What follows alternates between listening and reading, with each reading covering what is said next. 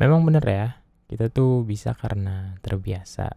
Dulu gue waktu kepengen move on rasanya gue pengen rasanya pengen banget gue bisa langsung kayak ngelupain dia sekejap saat itu juga pas gue sama dia pisah. Rasanya gue pengen banget bisa langsung nggak mengenali dia dan segala sesuatu yang berkaitan tentang dia yang ada di otak gue langsung hilang sekejap.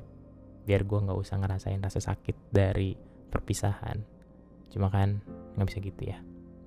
Seiring berjalannya waktu akhirnya gue belajar kalau move on itu ngomongin tentang proses. Move on itu prosesnya nggak bisa instan nggak yang sehari jadi. Dia tuh perlahan step by step. Dan butuh yang namanya kedisiplinan butuh dilatih. Karena kan yang namanya hubungan itu ibarat kayak udah terhubung. Dan apalagi kalau misalkan udah cukup lama itu kan pasti istilahnya jadi terikat di dalam diri. Dan ketika orang itu pergi diri gue kaget karena ada kekosongan yang biasanya dia isi eh tiba-tiba kosong. Dan untuk mengatasi hal itu kan butuh yang namanya pembiasaan butuh adaptasi. Dan hal itu nggak mudah. Pasti ada saatnya di mana gue kangen. Dan kangen itu yang memicu ke, memicu kesedihan dalam diri gue karena ya yang biasanya bareng-bareng chat setiap hari ketemu cuma sekarang udah gak bisa. Ya meskipun bisa tapi kan feelnya udah beda udah udah statusnya udah beda. Dan akhirnya ya gue coba pelan-pelan. Gue mulai dari nggak berkomunikasi dulu sama dia.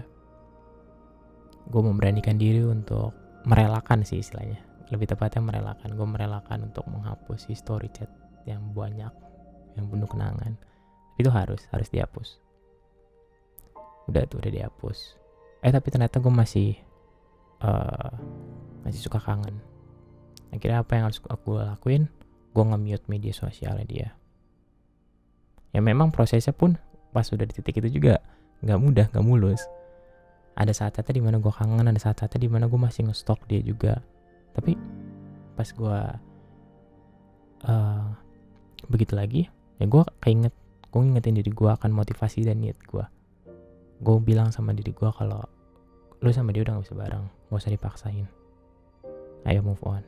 Dan akhirnya gue mencoba untuk membuka diri gue ke orang-orang sekitar gue gue mulai lagi bersosialisasi sama orang-orang yang di sekitar gue yang tadinya gue mengacukan setiap orang yang ada tapi sekarang gue mulai untuk ngobrol lagi untuk back to normal lagi.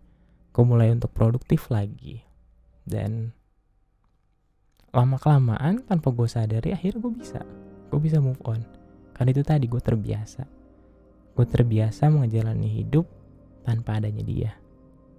Dan ya akhirnya gue bisa jadi lebih kuat. Gue belajar gitu sih